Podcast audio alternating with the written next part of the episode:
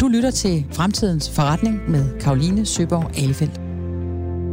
Velkommen til Fremtidens Forretning. I dag sætter vi fokus på, hvad coronakrisen har af konsekvenser for den grønne omstilling. Store dele af det danske samfund har været lukket ned i lidt over en måned nu.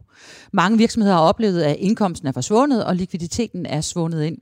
Så nu hvor Danmark stille og roligt begynder at åbne igen, vil der så fortsat være fokus på den grønne omstilling og på at nå vores bindende klimamål og reducere vores CO2-udslip med 70% i 2030? Er der penge nu til den grønne omstilling, nu hvor en virus har lagt både den globale, men også økonomien herhjemme i benlås? Det skal jeg i dag tale med Christian Ibsen om, direktør i den grønne tænketank Concito. Og velkommen til Christian. Tak fordi du vil være med her i programmet. Ja, tak skal I have. Dejligt at være med. Godt. Vi skal tale om, hvordan vi fortsat får en grøn omstilling af vores samfund og i vores erhvervsliv post-corona, eller muligvis øh, undervejs. Ingen ved jo, hvor længe det varer. Øhm, klimaforandringerne er der jo stadigvæk, så vi skal jo finde en måde, hvor vi relativt hurtigt kan få gang i den grønne omstilling. Også med et noget vingeskudt øh, erhvervsliv. Og det ved jeg, at du har nogle gode idéer til. Så dem folder vi ud den næste times tid, hvor vi også kommer rundt om grønne investeringer, og hvordan de kan være med til at kickstarte den grønne økonomi. Men lad mig lige starte med at spørge dig, hvad er Concito egentlig for en størrelse, og hvad er det, I er sat i verden for at kæmpe for? Jamen, Concito er en grøn tænketank. Øh, vi er øh, finansieret af øh, filantropiske fonde, mest af alt. Det vil sige fonde, som finansieres, fordi de synes, det er vigtigt, at der er en uafhængig grøn øh, tænketank i Danmark, som bringer viden i forhold til klimaudfordringen i spil, og som hverken er rød eller blå, men netop kun er grøn, og som skal være videnspartner for alle dele af en grøn omstilling. Det er politikere selvfølgelig, men det er også borgere, virksomheder, byer, kommuner, alt muligt. Så vores rolle er at placere centralt i at være en øh, videnspartner, ligesom jeg er i dag, hvor vi sidder og har en dialog om grøn omstilling, så er vi det også for en lang række andre aktører. Øh, så Concito er sådan set, og så har vi en række medlemmer. Man kan være medlem af Concito, hvis man er en øh, grøn virksomhed, eller man er, er andre en grøn NGO. Og det gør, at vi også er en dialogplatform for en grøn omstilling, hvor vi mødes både formelt og, og mere uformelt omkring vigtige emner i en grøn omstilling. Og hvorfor er det vigtigt at have sådan en uafhængig stemme i den her grønne debat? Jamen, jeg har arbejdet med klima siden øh, starten af 2000, 2001, tror jeg, og, øh, og jeg synes faktisk, i, i der arbejdede jeg i, i det, der hedder Klimaministeriet og Miljøministeriet i, i, i 10 år, og der manglede faktisk i en lang række år en, en, en, en, en tænketank, som man også ser i andre lande. Jeg var meget inspireret af, af lande som USA og andre, England og andre, hvor man havde tænketanke, som meget konstruktivt gik ind og politikudviklede. Fordi statsadministrationer, embedsmandsapparater og, og politikere kan ofte være udfordret af, at de har travlt. Det drejer sig om, hvad der sker i morgen, om hvad vælgerne synes. Mens man, jeg oplevede for eksempel i USA, at man øh, brugte mange kræfter på, i, i tænketanke på at udvikle politik, udvikle hvad er de naturlige næste skridt, Øh, og så hjalp politikerne på den måde, og hjalp øh, samfundet med at udvikle de grønne politikker, der var nødvendige. Og det havde vi ikke før øh, Martin Lidegaard startede Concito øh, i 2008-9 stykker. Og vi har lige haft 10 års jubilæum, og jeg synes, det er afgørende, at vi har den slags tænketank, som uafhængig af politiske interesser, uafhængig af erhvervsmæssige interesser og pengemæssige interesser, kan, kan være en videnspartner i, hvad er de nødvendige grønne skridt. Mm. Så øh, det er også derfor, jeg personligt synes, det er det bedste job, jeg har haft. Ej, hvor herligt. Og hvor længe har du været direktør i uh, Concito? Og det har jeg været de sidste 4-5 år, øh, og har som sagt været i ministeriet i mange år, og blandt andet været en del af det her COP15, der var i København i 2009, som gik så frygtelig galt, mm. hvor jeg øh, var med til at rådgive Connie Hedegaard på det tidspunkt, og så har jeg også været plan- og klimachef uden kommune, og virkelig fået et indtryk af, eller fået førstehåndsindtryk af, hvad kræver det at lave grøn omstilling uden kommune. Fået skidt på knæene i, at det er vanskelige ting med borgere og virksomheder meget tæt på mm. men også fået enorm, øh, enorm lyst til at, øh, at arbejde med det her. Så fik jeg så chancen for at komme ind i en tænketank, hvilket er et stort privilegium. Hvad, øh, øh, Christian, hvad synes du har ændret sig mest siden dengang? Altså hvis vi spoler tiden tilbage øh, til før øh, 2009, øh, hvad, øh, hvad har så ændret sig mest, når vi nu taler om klima og den grønne omstilling? Jamen, jeg synes, øh, de første 10 år, jeg arbejdede med klima der i nullerne, der var det noget, som virkelig kom op på radaren, som, øh, som var noget, man begyndte at arbejde med. Vi havde en Kyoto-protokol, vi arbejdede med, øh, men vi havde også et USA under George Bush, som var meget imod klima. Vi havde en meget stor øh, gruppe lobbyister, som betvivlede klimaforandringerne var menneskeskabte. Vi brugte mange kræfter på den. Vi havde også en diskussion i Danmark. Øh, en utrolig frustrerende diskussion, når, når videnskaben allerede dengang var meget klar. Og, øh, og vi havde et stort momentum frem mod København og COP15 om, at det kunne lykkes globalt at lave sådan en ramme, hvor vi ligesom sagde, hvad landene måtte udlede. Og det, der så er sket siden, er, at, øh, at vi selvfølgelig fik finanskrisen, og så udviklede det sig til her i, i, i midten af 10'erne til at blive en enormt folkelig ting, øh, og især her de sidste par år. Men i hvert fald en ting, hvor øh, klimaforandringen er blevet meget, meget tydelig rundt omkring i verden. Vi har selv oplevet det med tørke i Danmark, også oversvømmelser. Men i en lang række lande er det jo vandmangel, øh, tørke, øh, udfordrede kyster osv., og, og videnskaben er bare blevet så klar, der siger, at vi står i en meget udfordret verden. Og så har vi så oplevet det her folkelige momentum, og det var ikke bare i, i Danmark, og det var ikke bare Greta Thunberg, det var øh, over hele verden, hvor vi har set unge og, og befolkninger øh, rejse sig og kræve handling, bekymret for fremtiden, øh, virksomheder, som tager lederskab før stater gør, øh, byer, som tager lederskab før stater gør, øh, hvilket har været enormt opmuntrende, som så betyder, at vi har fået det her politiske momentum både i Danmark, EU og faktisk også i det meste af verden. Vi har enkelte store undtagelser, øh, som USA med Trump, og vi har Brasilien, og vi har Rusland. Men vi har for eksempel Kina, som jo, selvom de brænder meget kul af og, og laver mange ting, vi ikke er enige i, så, øh, så har de også fuldt tryk på den grønne omstilling. Så det er, det er en helt anden verden nu, og i langt højere grad båret frem af, af et, politi- eller et, et befolkningskrav. Øh, senest har vi jo her midt i coronakrisen jo fået en meningsmål, der siger, at 50 procent af danskerne de vil have fuld tryk på en grøn omstilling. Så jeg mener, der, der er virkelig en anden øh, folkelig opbakning, end der og, var. Og vi står, simpelthen, vi står simpelthen et andet sted, end man gjorde dengang. Jeg tror egentlig, jeg spørger, fordi at øh, jeg lavede et øh, program med Connie Hedegaard, som jo også er formand for, øh, for Concito, og øh, og så spurgte jeg hende på et tidspunkt, det her det var så før corona, så det var tilbage i, øh, i februar øh, måned, så spørger jeg hende så, sig mig, er det ikke utroligt, som, øh, som denne her agenda, hele sustainability-agendaen har fået medvind på cykelstierne, men jeg så på sige, nu er det blevet folkeeje. Øhm, tror du, øh, hvordan tror du, det kommer til at udvikle sig? Så var hun en lille smule tøvende, og så siger hun, ja, men jeg kan jo huske den gang tilbage i midt øh, nullerne der, øh, hvor der jo også var ved at være vind i sejlene, og så kommer den her finanskrise. Så hun var, øh, hun var, øh, hvad skal man sige, øh, øh, bekymret, eller hvad skal man sige, belastet af en historik, der hedder, jamen altså, der har tidligere været på vej til at få et, øh, et vist momentum, og så er der kommet en krise på vej, eller øh, så er der kommet mm. en krise på tværs. Og nu står vi i ja. den her situation med, med coronapandemien, og nu skal vi jo finde mm. ud af, hvad den så får af konsekvenser for den grønne omstilling. Altså, ja. øhm, Christian, øhm, ja, hvad tænker du om det? Jamen, jeg synes, der er en rigtig vigtig pointe. Når man arbejder med klima så længe, så har man set øh, interessen øh, forsvinde. Man har set øh, andre interesser tage over. Øh, og vi har, man har set uh, store interesser øh, bringe sig ind midt på banen og krav med, øh, omkring fossil industri og sådan noget. Jeg, jeg, det, er der, det, er, det sidder stadig i rygmagen på mig, og man stadig kan se sådan en, ud, en, en udvikling igen. Jeg tror, øh, og corona er selvfølgelig et faremoment i det, fordi øh, at verdensøkonomien bliver så voldsomt udfordret, at sundhed selvfølgelig skal fylde så meget, som det gør, og hvad bliver der i klima?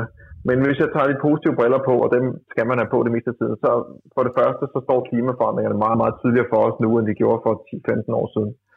Det er så utroligt tydeligt rundt omkring i verden, hvad der sker. Mange er øh, skræmte, men i hvert fald er også tager det med meget stor alvor, at menneskeheden står for en udfordring, vi faktisk kan løse, men vælger at gøre for sent. Mm. Øh, så derfor står jeg, står en anden udfordring. Jeg hører også øh, rigtig mange koble corona-udfordringen med, øh, at når vi så står over for at skulle investere så massivt i fremtiden, fordi vi skal have de arbejdspladser stablet på benene igen, virksomhederne øh, skal vi holde hånd under, så hører jeg øh, rigtig mange, især i Danmark, men også en del i EU øh, andre sige, at det skal kobles til, at vi, gør, vi, vi, vi, vi investerer i det grønne, og vi ikke investerer i gårdsdagen, vi investerer i fremtiden. Mm. Så jeg er da forhåbningsfuld, men det indeholder faremomenter, når, når opmærksomheden drejer sig over mod noget, som selvfølgelig er så alvorligt som corona. Mm. Øh, men jeg vælger at være optimistisk. Øh, det, det er godt. Det er godt, specielt når du sidder i den stol, du sidder i. Ellers så vil vi også blive rigtig bekymrede, hvis ikke du øh, var forsigtigt, forsigtigt øh, optimist. Men øh, Christian, lad os lige vende os mod den her coronapandemi og, og, og zoome lidt ind på de her konsekvenser, øh, som det kan få, for den har for den grønne omstilling.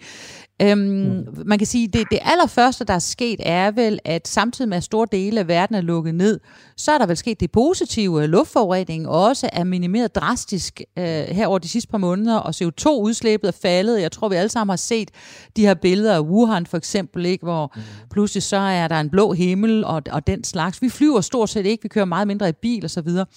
Det må I jo også have siddet og analyseret på i en øh, øh, inde hos jer.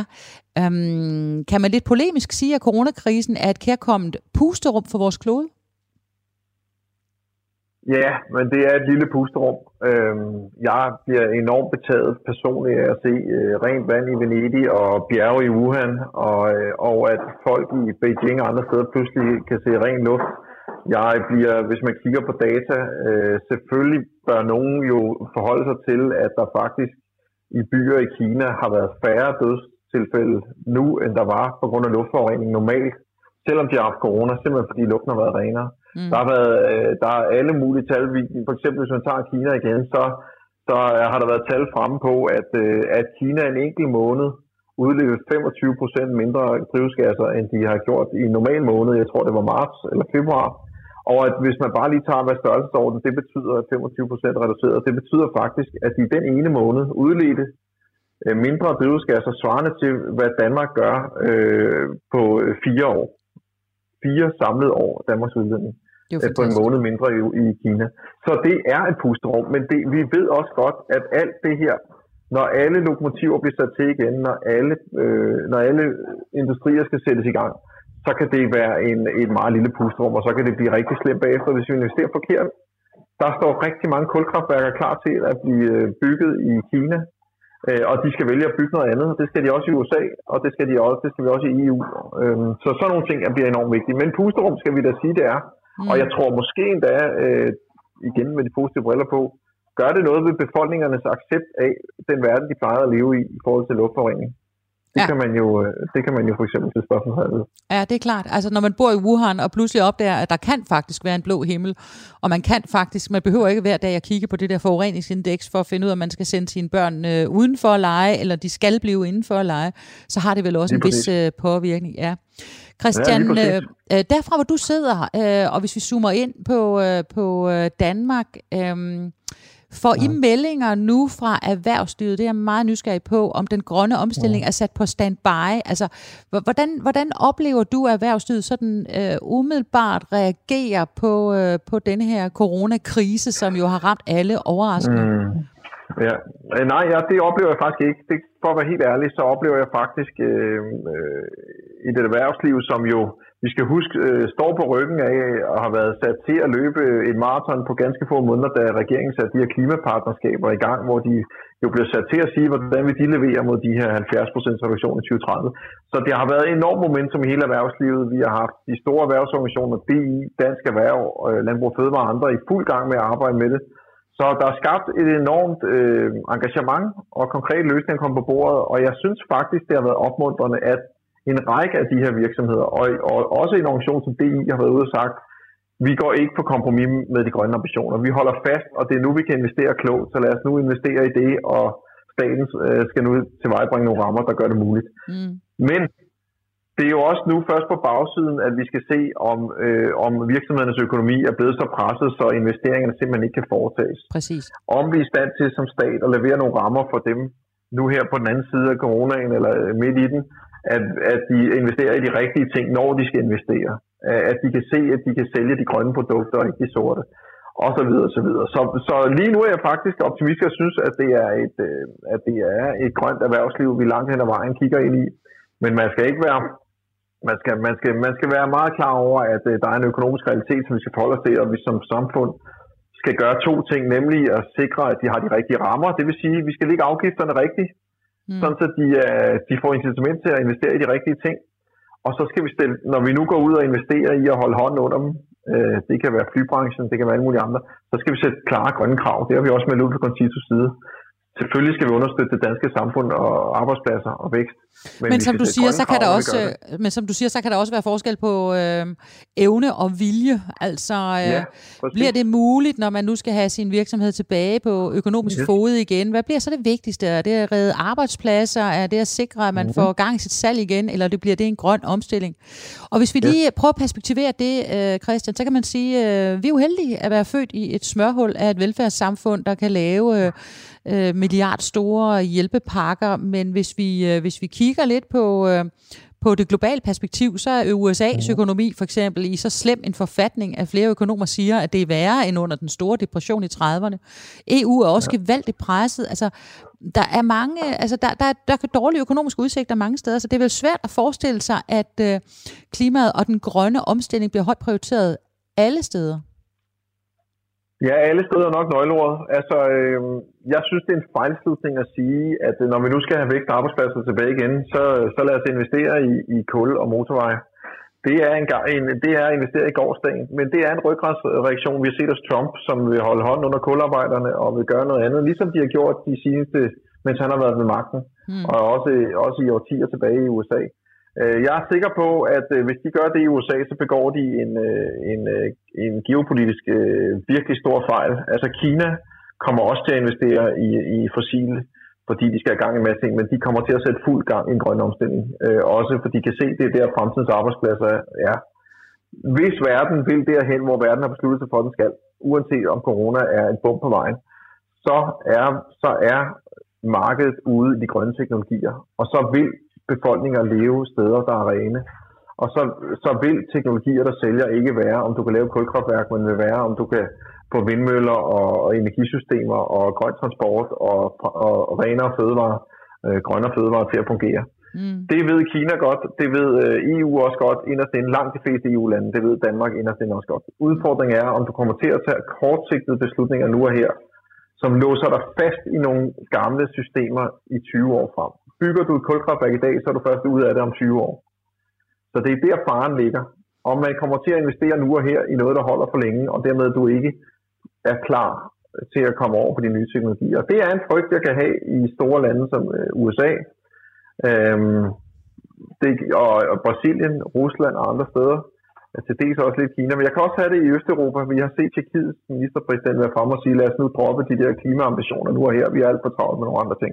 Mm. Men jeg mærker også en Ursula von Leyen, den nye, klima, den nye kommissionsformand, og, og, og en alliance på mere end 10 lande i EU, der holder fast i, at en genstart af Europa, den er grøn. Mm. Så, øh, så det er begge veje, og jeg, og jeg forstår dit spørgsmål, og jeg, og jeg kan også være bekymret, men, men det er altså, vi står ved en skillevej nu midt i coronaen, fordi vi, øh, vi står i en situation, hvor der måske er en største krise siden 30'erne, men måske også på et tidspunkt, hvor vi kommer til at poste flest penge ud i økonomien fra staternes side hele jorden rundt som vi nogensinde har set.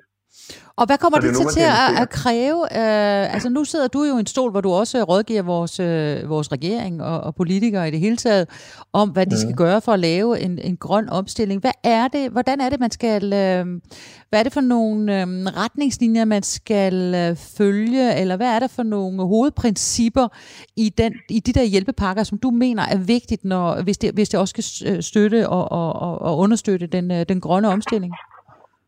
Jamen, vi har jo Concito lige udgivet sådan et vores bud på, hvad en grøn genstart er. Øh, vi kalder det grøn genstart, fordi det er en genstart af økonomien i Danmark, og vi har sagt, jamen der er rigtig mange gode forslag øh, fra, fra virksomheder, fra, øh, fra organisationer som Dansk Industri, Dansk Energi og sådan noget på specifikke ting.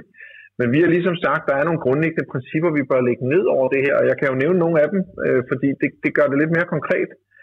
Altså, det er klart, når man sidder inde i Finansministeriet, Statsministeriet og andre steder, og Klimaministeriet skal beslutte, hvorfor noget sætter vi i gang nu, så siger vi, at vi skal lægge, vi skal lægge nogle klare principper ned over. Et, vi skal prioritere tiltag, som kan igangsættes, som får effekt på beskæftigelse, både nu og inden for nogle år. Nogle ting tager bare lidt tid at starte. Og, og hvad kan det være, Christian? Bare lige for at, at dobbeltklikke på det og gøre det helt nærværende.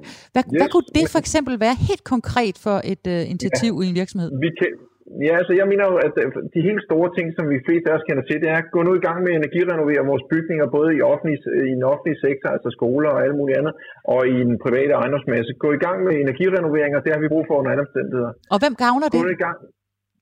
Det for hvem er det en god forretning?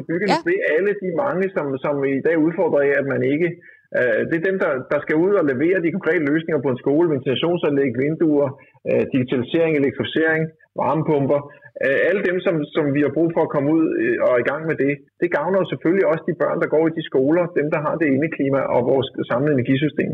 Mm. Så er der for eksempel elektrificering af vores, øh, altså udbygning af vores elnet. Det er jo sådan i dag, at vi er verdensmester til at få vind ind, vind, vindstrøm ind øh, i vores system, men vi er jo ikke særlig gode til at bruge den til noget. Vi har ikke særlig mange elbiler i Danmark. Øh, det skal vi have mange, mange flere af. Vi har heller ikke det, der hedder varmepumper i vores varmesystem. Simpelthen, at vi skal udskifte det, at vi brænder biomasse af på store kraftværker. Vi brænder også kul af nogle steder stadigvæk, og vi brænder naturgas af rundt omkring. Det skal vi simpelthen have skiftet over til varmepumper, altså brugt den strøm til at levere varme. Okay, og, og det kræver jeg... også et elnet. Ja. Og det kræver, at du, du både skal have lavet de her varmepumper, du skal have gang i investeringer, men du skal også udbygge et elnet. Det er også noget, man kan gå i gang med. I stedet for at bygge motorvej, så bygge elnet. Og det, det der elnet, det er jo øh, en, en ting er elnettet, noget andet, det er jo hele ladenettet, om man så må sige. Yes. Altså fordi hvis vi kigger på Norge, så kan man jo sige, øh, der har, der har de jo haft en meget konsekvent øh, tilgang til det her med elbiler. Nu tror jeg, det er cirka en tredjedel af den, af den norske bilflåde, som er elbiler. Og øh, jeg har for eksempel lige selv fået en, øh, en elbil, og, og jeg kan se, hvis jeg skal køre frem og tilbage til Fyn for eksempel, så øh, er jeg nødt til at stoppe ind et eller andet sted. Og, yes. og altså jeg skal, jeg skal simpelthen lægge 45 minutter ekstra til min tur, hvis jeg skal frem og tilbage til, øh, til København, hvor, hvor jeg bor, fordi der simpelthen er så få øh, ladestationer, øh, og jeg skal lidt væk fra Alfarvej. Så, yes. så Christian, det er jo, jo, det er jo en kæmpe, det er jo en del af elnettet, og hvem yes. er det, der skal, øh, hvem kommer det til gavn? Altså, hvad er det for nogle virksomheder, som, som øh, vil kunne komme til at få vind i sejlene, om jeg så må sige, eller øh, strøm det er jo på alle forretningen. vi ved. Der, ja. Jamen, når vi render rundt og reparerer veje, eller vi gør noget andet, eller vi lægger ledninger, så, så er det jo selskaber, der bliver ansvarlige for det her. Mm. Det er en masse ingeniører, der skal regne det ud, men det er også en masse udbud til lokale entreprenører og andre, som skal til at grave og lægge ned, og så finde digitale løsninger til det, opsætte ladestandere, mm. øh, opfinde, øh, sælge varmepumper. Der er masser, der kan komme på gavn af det her. Mm. Men vi foreslår faktisk også noget helt på kort sigt, som måske færre tænker på. Det er, når vi nu skal i gang igen, så nogle af de industrier, som har været rigtig hårdt, eller øh, erhvervssektorer, der har været rigtig hårdt ramt, det er jo serviceindustrien. Og vi ved alle sammen, at i Danmark, eller det ved, øh, at det, det har vi Concito regnet på, det er vores personlige klimaforbrug i Danmark. Der, fylder, øh, der er der meget, der fylder. Vi køber ting og sager, vi laver en masse klimabelastende ting, vi transporterer os rundt. Men noget af det, vi faktisk skal til at bruge vores penge på, og som kan skabe den nødvendige effekt nu her, her, det er at bruge nogle penge i service- og oplevelsesindustrien. Altså alle de her caféer, restauranter, biografer, museer og alt det andet, som lige nu har meget trængende tider, ja. så bør man faktisk lave en hjælpepakke, der arbejder på det, når vi gør jo grønt genstart. Det kunne være, at man gav os nogle vouchers, som det hedder andre steder, eller så nogle beviser, vi kan gå ud og bruge på den slags steder, hvis man vil pumpe penge ud i industri eller ud i samfundet. Gør noget klogt, for det er et enormt klimavenligt forbrug nu og her, som betyder rigtig meget for beskæftigelsen i den her industri, som, som lider hårdt nu og her. Så det er jo både det, vi kender som bygge og anlæg og og digitalisering og nye smarte løsninger, men det er også oplevelsesindustri øh, og service. Det, det synes jeg er så interessant, og det er for mig første gang, jeg hører det fra Concitos side, det her med, øh, det kan faktisk også være klimavenligt at gå i teateret. Det kan være, det er mig, der ikke har lyttet ordentligt efter tidligere, men jeg synes, det er en ret interessant, ja, det, øh, det er en ret interessant pointe. Kan du ikke lige ja. Øh, forklare os, øh, øh, helt almindelige lyttere derude, hvordan er det lige, at jeg gør noget godt for den grønne omstilling yes. ved at gå i teateret? Ja, altså grundlæggende bare lige for at tage den forfra, så er det sådan så, at dan, dans, en dansker i gennemsnit udleder omkring 17 tons, i hvert fald per øh, år per dansker, øh, at, at, at drivhusgasser. Og det gør vi jo øh, dels ved en masse, der foregår udleder for danske skorsten og danske biler, men det gør vi også, fordi vi forbruger mange produkter, som laves i Kina og andre steder. Ud af de her 17 tons, så, så er der en stor del af det, som har noget at gøre med at vores forbrug i den offentlige sektor. Det er fordi, vi går i skole, og vi bygger systemer og sådan noget. Lad os nu lade den ligge, og så sige, min hverdag, hvad er det egentlig, der fylder i mit øh, drivhusgasregnskab, så er det først og fremmest det, der hedder ting og sager. Det fylder ud af det her, det fylder 4,5 tons. Så ud af de 17 tons, så cirka en fjerdedel af det er ting og sager. Ting og sager. Og ja. det er klart, det er, også, det er også den del af det, der er byggeri og noget andet af ting og sager, men det er også det, det vi går rundt og køber. Det vil sige, at det der meget store forbrug, vi har af alt muligt, vi går og køber og bygger og gør, det fylder rigtig meget. Nummer to på den, som vi personligt kan gøre noget ved her nu, det er vores fødevarer, som fylder 3 tons. Og det er, det er jo at rykke fra rødt kød til lyst kød eller, eller, eller til grøntsager, og det er altså et enormt vigtigt træk, man kan gøre der. Og så kan man rykke videre dernede af. Øh, det, der er vigtigt, er, at hvis man nu går ud og bruger sine penge øh, på serviceoplevelser, hvis du, hvis du spiser øh, ude, så betaler du relativt meget, i stedet for at du køber det nede i din, øh, i din øh, i dit supermarked, så betaler du relativt meget af din indkomst, selv når du spiser kød. Og det gør så, at du ikke bruger de penge på andre ting og sager, for eksempel. Mm. Det kan også være, når du går ud på et museum, der, det har jo ikke nogen ekstra klimabelastning. Du går på museum, du bruger nogle af de penge, du ellers ville have brugt på klimabelastende ting. Så derfor, når man regner på det, så er det en enorm klimavenligt adfærd at bruge øh, serviceoplevelser. Og derfor siger vi jo altid op til jul, når folk siger, hvad er det, I kan give jeres børnebørn eller andet, så siger de, giv dem nogle gode oplevelser. Det giver rigtig stor mening. Det giver rigtig stor mening, fordi det du siger, det er, at alternativet var, at vi brugte det på øh, elektronik for eksempel, eller andre ting, som havde været... Øh, som er, og alt, ja, alt det der. Bruger. Så bruger vi altså vores yes. penge på noget, som øh, ikke bruger klimaressourcer.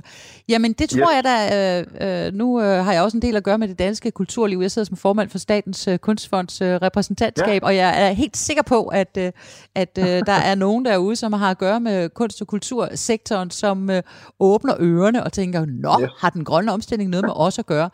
Så hvad ja, er det?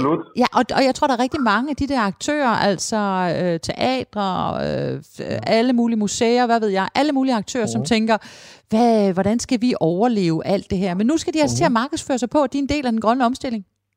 Yes. Jeg mener, man kan lave en, grøn, øh, en del af en grøn genstart er at understøtte altså service- og oplevelsesindustri. Det har vi ganske klart sagt som et mm. grundlæggende princip, at vi synes, det kan gøres nu og her, og det vil skabe effekt nu og her. Øh, det er noget, vi kan sætte i gang på kort sigt. Mm. Øh, så har vi en lang række andre principper, bare så det ikke er kun af de tiltag. Vi siger jo også, at, øh, at vi skal lage, altså det nytter ikke noget, vi går ud nu på må og få og plukker ned på hylderne, hvad vi går i gang med. Vi skal nå nogle klimamål, og vi har sat os, og vi ved, hvilke indsatser vi til, så det nytter ikke noget, at vi kigger bort, for det ikke går nu i gang med de indsatser, vi kender i forvejen. Vi har lige snakket elnet, vi har lige snakket nogle af de andre ting. Så siger vi også, at vi skal blive nødt til at have en klog regne, klimaregnemaskine, når vi går i gang i det her samfund. Det vil sige, når vi ser en stor hjælpepakke, så skal vi kræve, at man klimakonsekvensvurderer, som det hedder, alle de her indsatser, og siger, okay, den her indsats eller den her indsats, så tager vi den, der, der har mindst omkostning for klimaet, eller den, der er bedst for klimaet. Mm-hmm. Og så siger vi faktisk også, jamen vi forstår godt, at det her samfund skal ud og understøtte nogle øh, brancher, som har det rigtig hårdt. Det klassiske eksempel er flyindustrien, som ved Gud er lagt meget voldsomt ned. Jamen altså, det er da rigtigt, vi, vi gerne vil have en lufthavn i Danmark, og, og øh, man vil gerne flyve når man nu går ind og hjælper dem, så skal vi da stille nogle grønne øh, modkrav.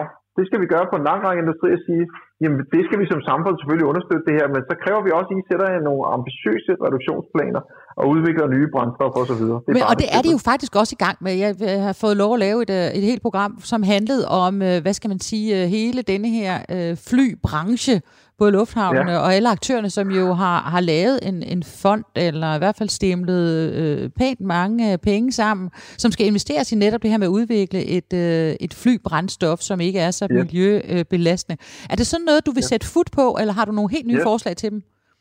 Nej, det, det er et eksempel over i flyindustrien, det er jo, at øh, de har selv sagt, at vi kunne sådan set godt, øh, vi vil gerne arbejde den vej, mm. men når nu vi går ind i den branche for eksempel og understøtter dem, som, som, som nok er nødvendigt, jamen så, så skal der sættes til fuld kraft på, at de laver nogle ambitiøse indsatser og, og også sætter nogle krav til effektivisering af deres øh, øh, af de ting, de nu går og gør. Men det er jo kun et eksempel. Det gælder jo på tværs af hele samfundet. Mm. Der er jo en rigtig, rigtig godt, godt momentum mange steder i, at industrien og erhvervslivet tager, så påtager sig ambitiøse mål.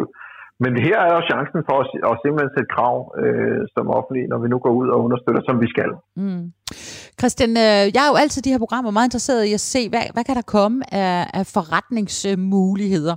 Og det lyder for mig som om, at vi kan lave en uh, dobbeltgevinst på uh, det, du kalder ting og sager, som jeg forstår står for 4,5, uh, et 4,5 tons uh, ud af vores årlige forbrug på 17 tons uh, CO2. Mm. Så er der fly, uh, rejse med fly, hvor meget er det, det fylder? Det fylder for den gennemsnitsdanskeren øh, et tons. Et tons. Og det, det, det dækker selvfølgelig over, at der er en del, der ikke flyver ret meget, og så yes. er der nogen, der flyver rigtig, rigtig Og så er der nogen, der flyver rigtig meget. Og, og øh, dem, som, som ikke har, øh, altså er, er forretningsfolk og skal flyve ud af landet øh, til møder osv., osv., men som har et helt almindeligt sådan, turistforbrug, der ligger vel også en oplagt mulighed for, at de, og måske specielt her til sommer, var lige ved at sige, kommer til at holde ferie herhjemme. Med andre ord, ja. så øh, kan du få sådan en øh, double whammy, eller hvad vi nu skal kalde det, ja. hvor du både får sparet på dine øh, ting og sager og støttet øh, oplevelsesindustrien og øh, yes. hospitality-branchen, samtidig med, at vi skærer ned på vores øh, flyforbrug øh, øh, ved at øh, lancere, hvad skal man sige, mere klimavenlige øh, feriemuligheder. Hvad tænker du om yes. det? Jamen, det tænker jeg fuldstændig oplagt. Vi ved alle sammen, at vi ikke kommer til at flyve afsted her til sommer.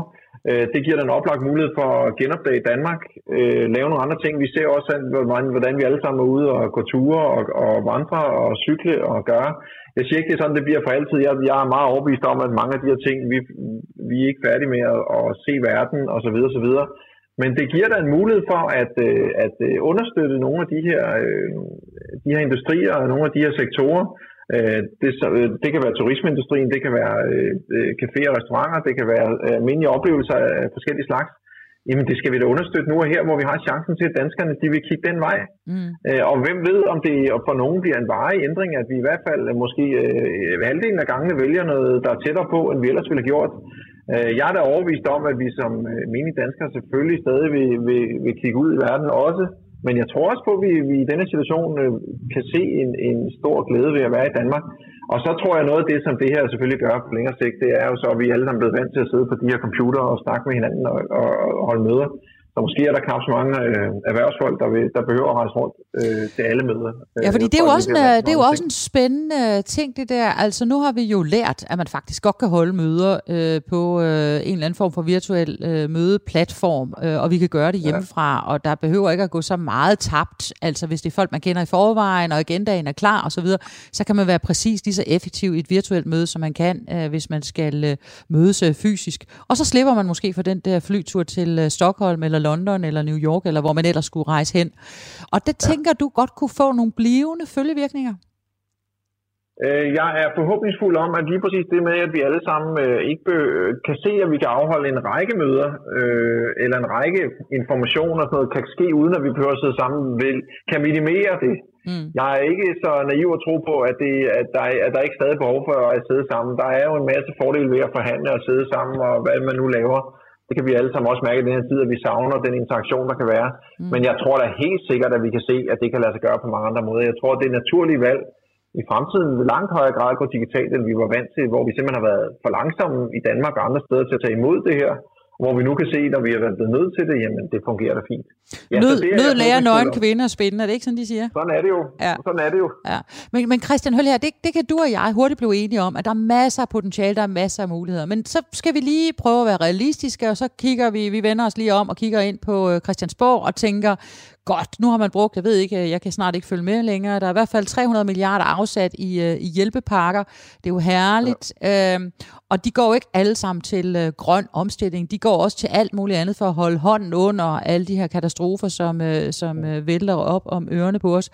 Øhm, Christian, hvor, hvor, hvor svært bliver det i sådan en realpolitisk øh, diskussion at overbevise politikerne om, at de skal blive ved med at have øh, fokus på sådan en 70% reduktion i 2030? Mm. Jeg mener, det er vel ikke, øh, det bliver vel ikke så nemt at, at få alle de her diskussioner til at, at, at, at lande et godt sted? Nej, nemlig det ikke, men jeg er nu meget fortrøstningsfuld. For det første synes jeg, at det er helt okay, at øh, de her hjælpepakker, vi ser indtil nu, de har jo handlet om at holde hånden under øh, fyringer og erhvervslivet. Det, har, det er sådan set et, øh, et spørgsmål om at undgå et, et kollaps mange steder. Det vi kigger ind i nu, det er jo de forhandlinger, som jo øh, vores statsminister også, Mette Frederiksen, har sagt, bliver vanskeligere, og som handler om mange ting, nemlig hvordan genåbner vi igen hvordan investerer vi i det? Og jeg tror, at de 300 milliarder, vi har brugt nu, vi kommer til at bruge øh, rigtig, rigtig, rigtig mange på den her genstart, øh, og med god grund.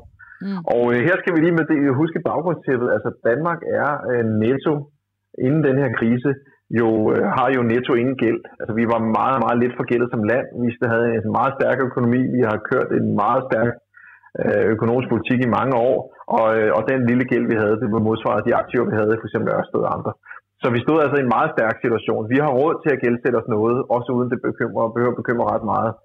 Og jeg synes, og der var øh, i forvejen en ret interessant øh, dialog i gang omkring, hvordan vi skulle åbne højere grad op for de her grønne investeringer, som vi jo alle der skal i gang med. Hvorfor, tør vi ikke, hvorfor tog vi ikke som Danmark øh, fremrykke dem meget højere grad? Den dialog var vi allerede godt i gang med inden det her. Mm-hmm. Men nu står vi i en situation, hvor vi skal ud og investere i, den, i, i, i at få gang i Danmark igen. Og der er jeg meget fortrystningsfuld ud og, øh, på, at vi på tværs af rigtig mange partier, øh, fra, fra de regeringsbærende partier øh, på den røde fløj, om jeg så må sige, over øh, Socialdemokratiet som regeringsbærende, og over til konservative venstre og andre, har hørt en meget stærk forankring i det grønne. Altså, nu er det også, at vi skal tænke det grønne ind i det her. Det betyder ikke, at alt bliver grønt, men det betyder Vi vidste nogle investeringer, vi ved nogle investeringer, vi står overfor. Lad os nu gøre det i samme øh, tempi. Vi hørte endda en finansminister forleden dag stå også og lægge vægt på, at det selvfølgelig også skal være grønt. Det må vi holde de politikere op på. Mm. Øh, vi må holde op, holde Jacob Ellemann og Venstre op på, at det var noget af det, de meldte ud, da de sagde, hvordan de ville øh, i gang igen. Det er noget af det, vi hørte konservative lidt klart væk på. Vi har set en meget ambitiøs radikal udmelding.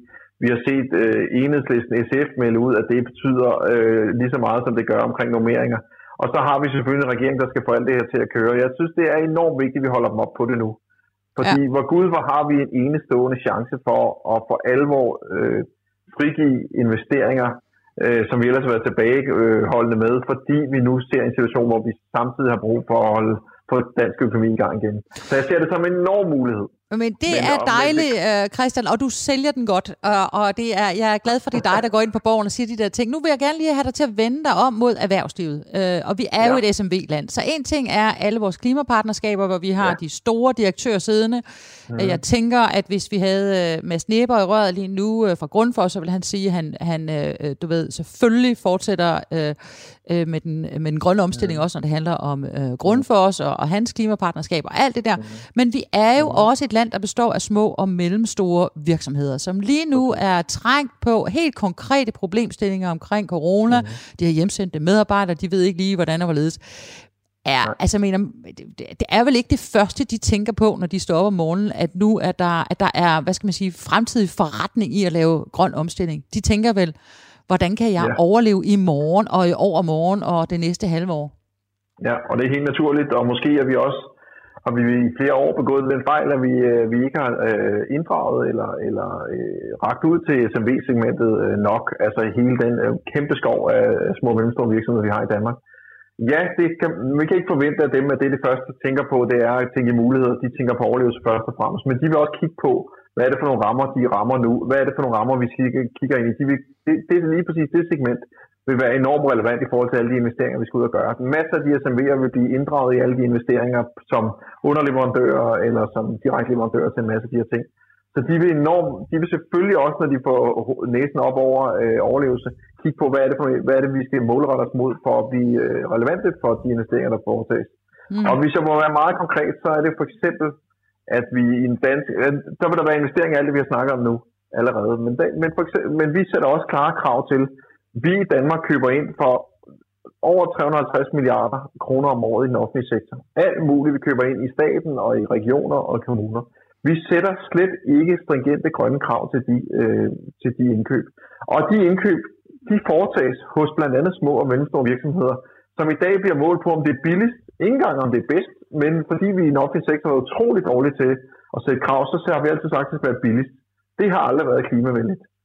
Så det bliver dårligt, det går hurtigt i stykker, der er alt muligt andet. Så vi sætter simpelthen krav, krav til, at man nu går ind og bruger den her enorme indkøbsmuskel til at sætte grønne krav, til at sige, at vi vil købe grønt ind, vi vil, sætte, vi vil have de produkter, der er grønne, og lige så snart for eksempel små og mellemstore virksomheder ser de krav, så vil de målrette sig mod det. Så vil den tømmer blive den, den tømmer, der bedst kan bygge det.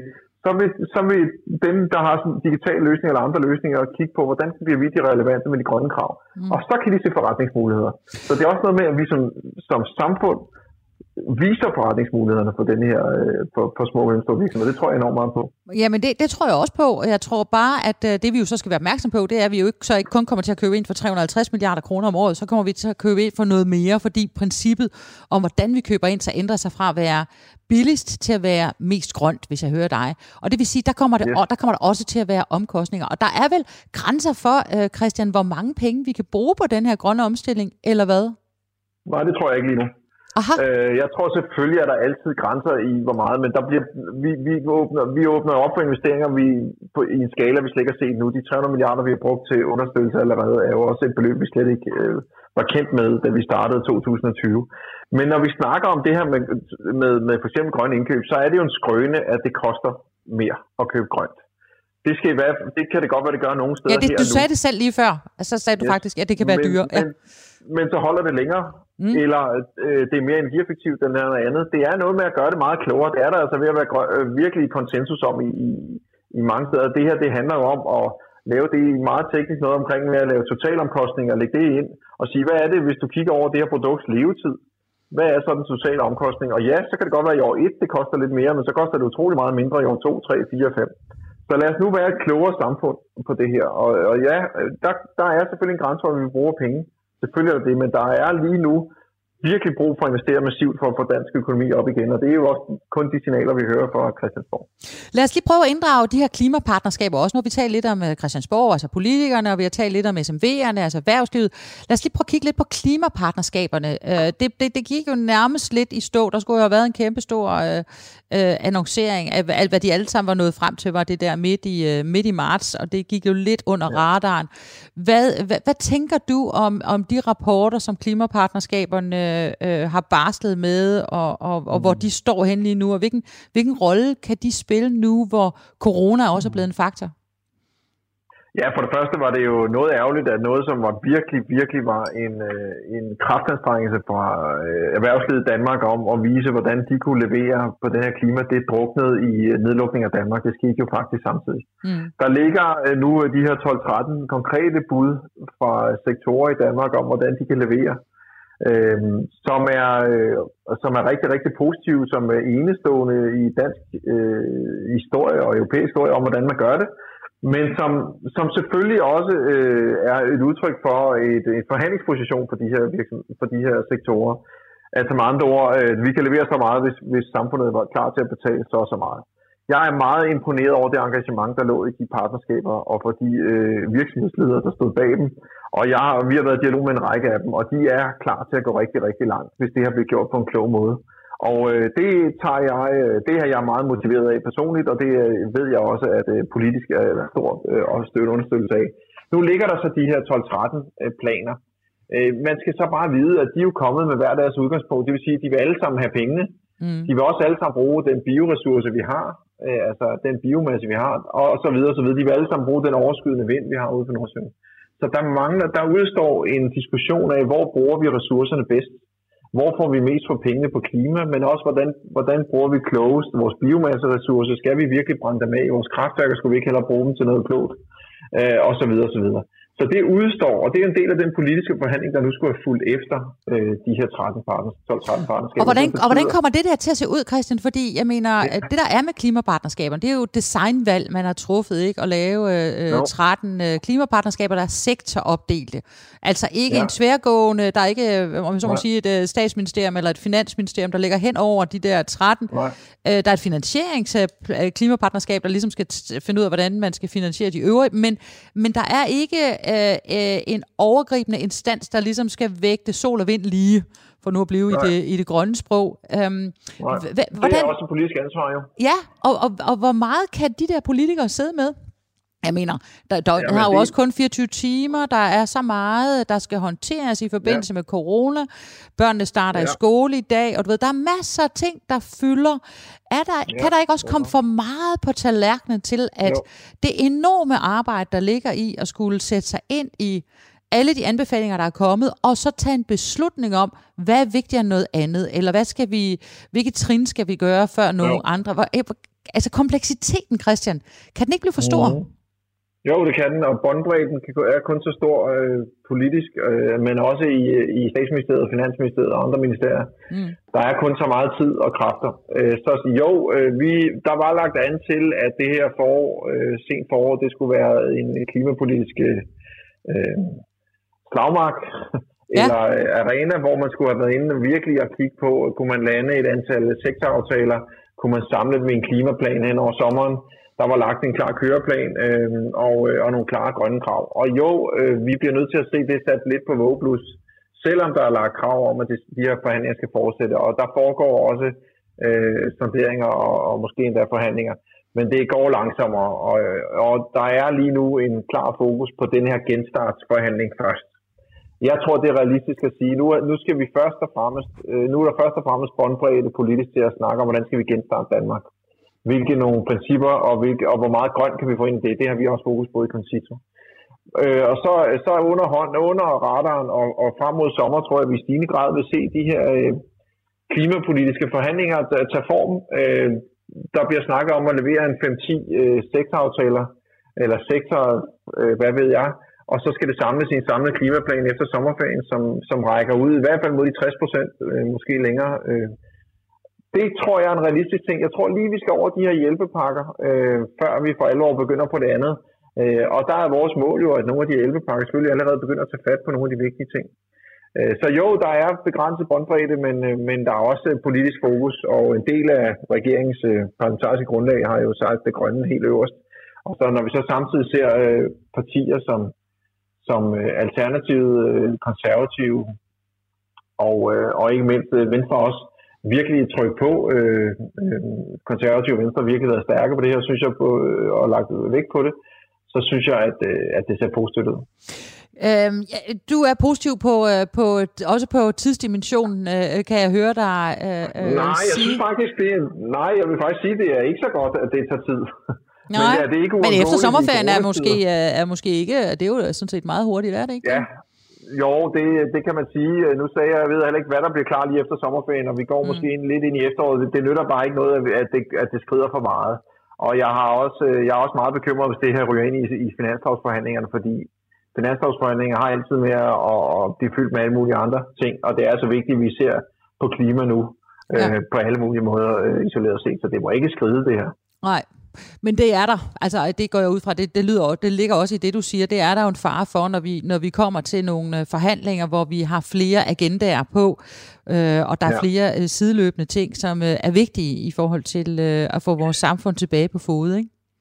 Jo, men man kan da håbe, at det her også har givet noget, øh, noget arbejdsro øh, i, i Klimaministeriet, Transportministeriet, Fødevareministeriet og andre steder øh, i forhold til at få lavet noget af alt det grundlæggende arbejde med at få samlet de her partnerskaber sammen, få kigget tingene på tværs, som gør, at forhandlingerne står på et mere solidt grundlag, når, de, når, når, der nu, når der nu er en masse aktiviteter, de ikke skal lave, fordi vi er lagt ned. Så det kan man da håbe på. Øh, der sidder jo dygtige folk mange steder, som, som skal have kræfter til ligesom at lave det nødvendige grundlag til de politiske forhandlinger. Hvis du nu kunne ringe til øh, finansministeren, klimaministeren, miljøministeren lige nu, hvad vil du så sige til mm-hmm. dem?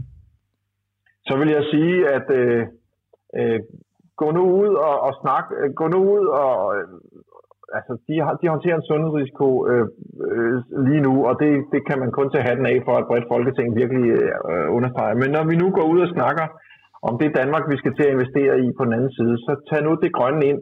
Der er en fuldstændig folkelig opbakning bagved, at det grønne er fremtiden, og det sorte er fortiden.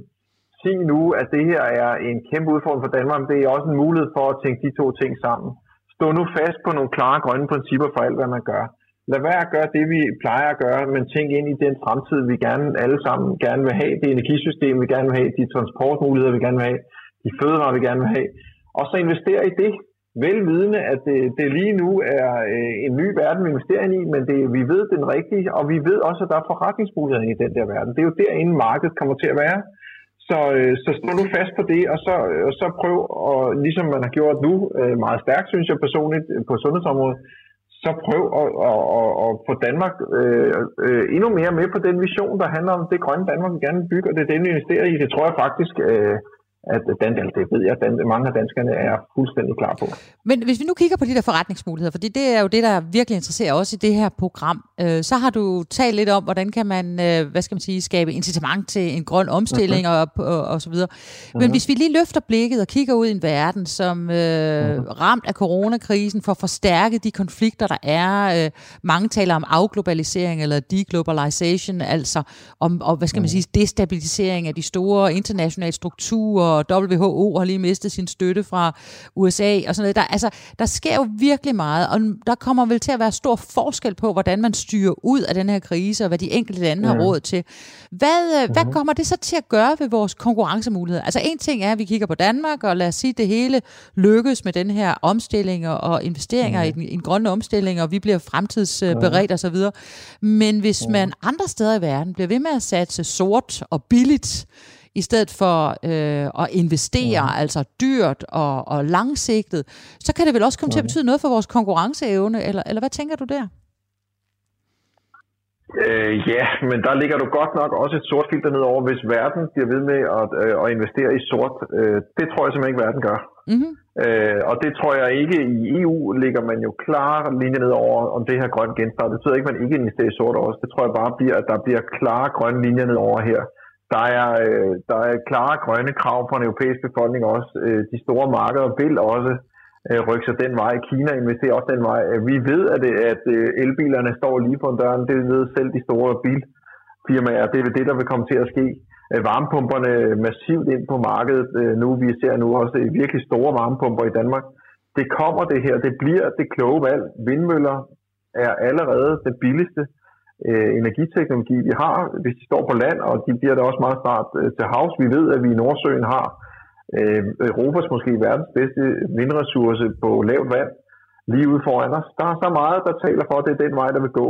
Og i OECD's øh, meldinger, og IA's meldinger lige inden øh, vi, vi røg ind i corona, der, der snakker de jo om, at vi at vi vil mange doble øh, efterspørgsel efter grønne produkter i de nærmeste 10 år. Øh, det er svimlende beløb, der vil blive investeret i det her. Og ja, så kan det godt være, at der vil være nogle bump på vejen, men trenden er klar, øh, og jeg tror på, at det er det, man bliver nødt til at stå fast på øh, fremadrettet. Øh, vi kan alle sammen se, at det kommer, og hvis man gerne vil være med, så kan man bare huske, at de store markeder, de kommer ikke og besøger nummer 5 eller 6 i køen. De kommer til dem, som har vist, hvordan det kan lade sig gøre. Og et land som Danmark med så stor samlingskraft og så gode til at samarbejde, på mange fronter. Vi skal kunne levere de løsninger. Jamen Christian, det lyder rigtig godt. Så nu vil jeg gerne lige have, at vi sætter fokus på det her med øh, fremtidens forretningsmuligheder. Hvis vi kommer godt fra start, hvis det lykkes alt det, du taler om, også med jeres gode arbejde i Concito og, vores, øh, og de forskellige politiske partier, der alle sammen er faktisk er enige om, at, at grøn omstilling er en nødvendighed og en forudsætning for at få skabt en uh, bæredygtig fremtid. Hvor er mhm. det så, hvis du kigger ind i fremtiden, og øh, hvis jeg nu udstyrer dig med en, en pænt stor pose penge, hvor vil du så øh, investere dine midler henne, eller hvilken virksomhed vil du starte op i morgen? Uh. Hvad, hvad tænker du her? Nu er vi ved at være hen i slutningen af programmet, og, øh, og jeg kunne godt tænke mig, at vi sådan spolede frem hen over coronakrisen, vi har øh, benyttet os og, og udnyttet os af, eller mm. udnyttet Danmarks særlige ja. fortrin for at kunne skabe gode løsninger, og vi er kommet ja. lidt frem foran konkurrencen i, i udlandet og sådan noget, men mm. hvad mhm. er det, vi skal erobre den fremtid med? Ja, altså jeg, jeg er ikke virksomhedsleder, så nogen er kloge på den del af mig, men hvis jeg vil investere ind i den fremtid, øh, så vil jeg investere, så vil jeg for det første placere mig lige midt i elektrificeringen af Danmark. Det vil sige, øh, midt i hele den øh, mængde, der handler om at producere meget mere øh, energi på sol og vind, øh, til at bruge den sol og vind i øh, varmepumper, elbiler og andet, til digitale løsninger, der får den energi til at blive brugt på de rigtige tidspunkter af døgnet, osv. osv. osv. Hele elektrificeringen, der er et kæmpe marked inde i den, og verden vil blive elektrificeret. Så hele den måde at gøre tingene mere effektive via elektrificering er et kæmpe marked. Mm-hmm. Så er der også løsninger, vi slet ikke tænker på i Danmark. Der kommer til at opstå øh, øh, behov, eller det, det vil opstå meget hurtigt for at lave løsninger, hvor vi tager CO2 ud af vores skorsten, øh, det der hedder CCS og andre ting.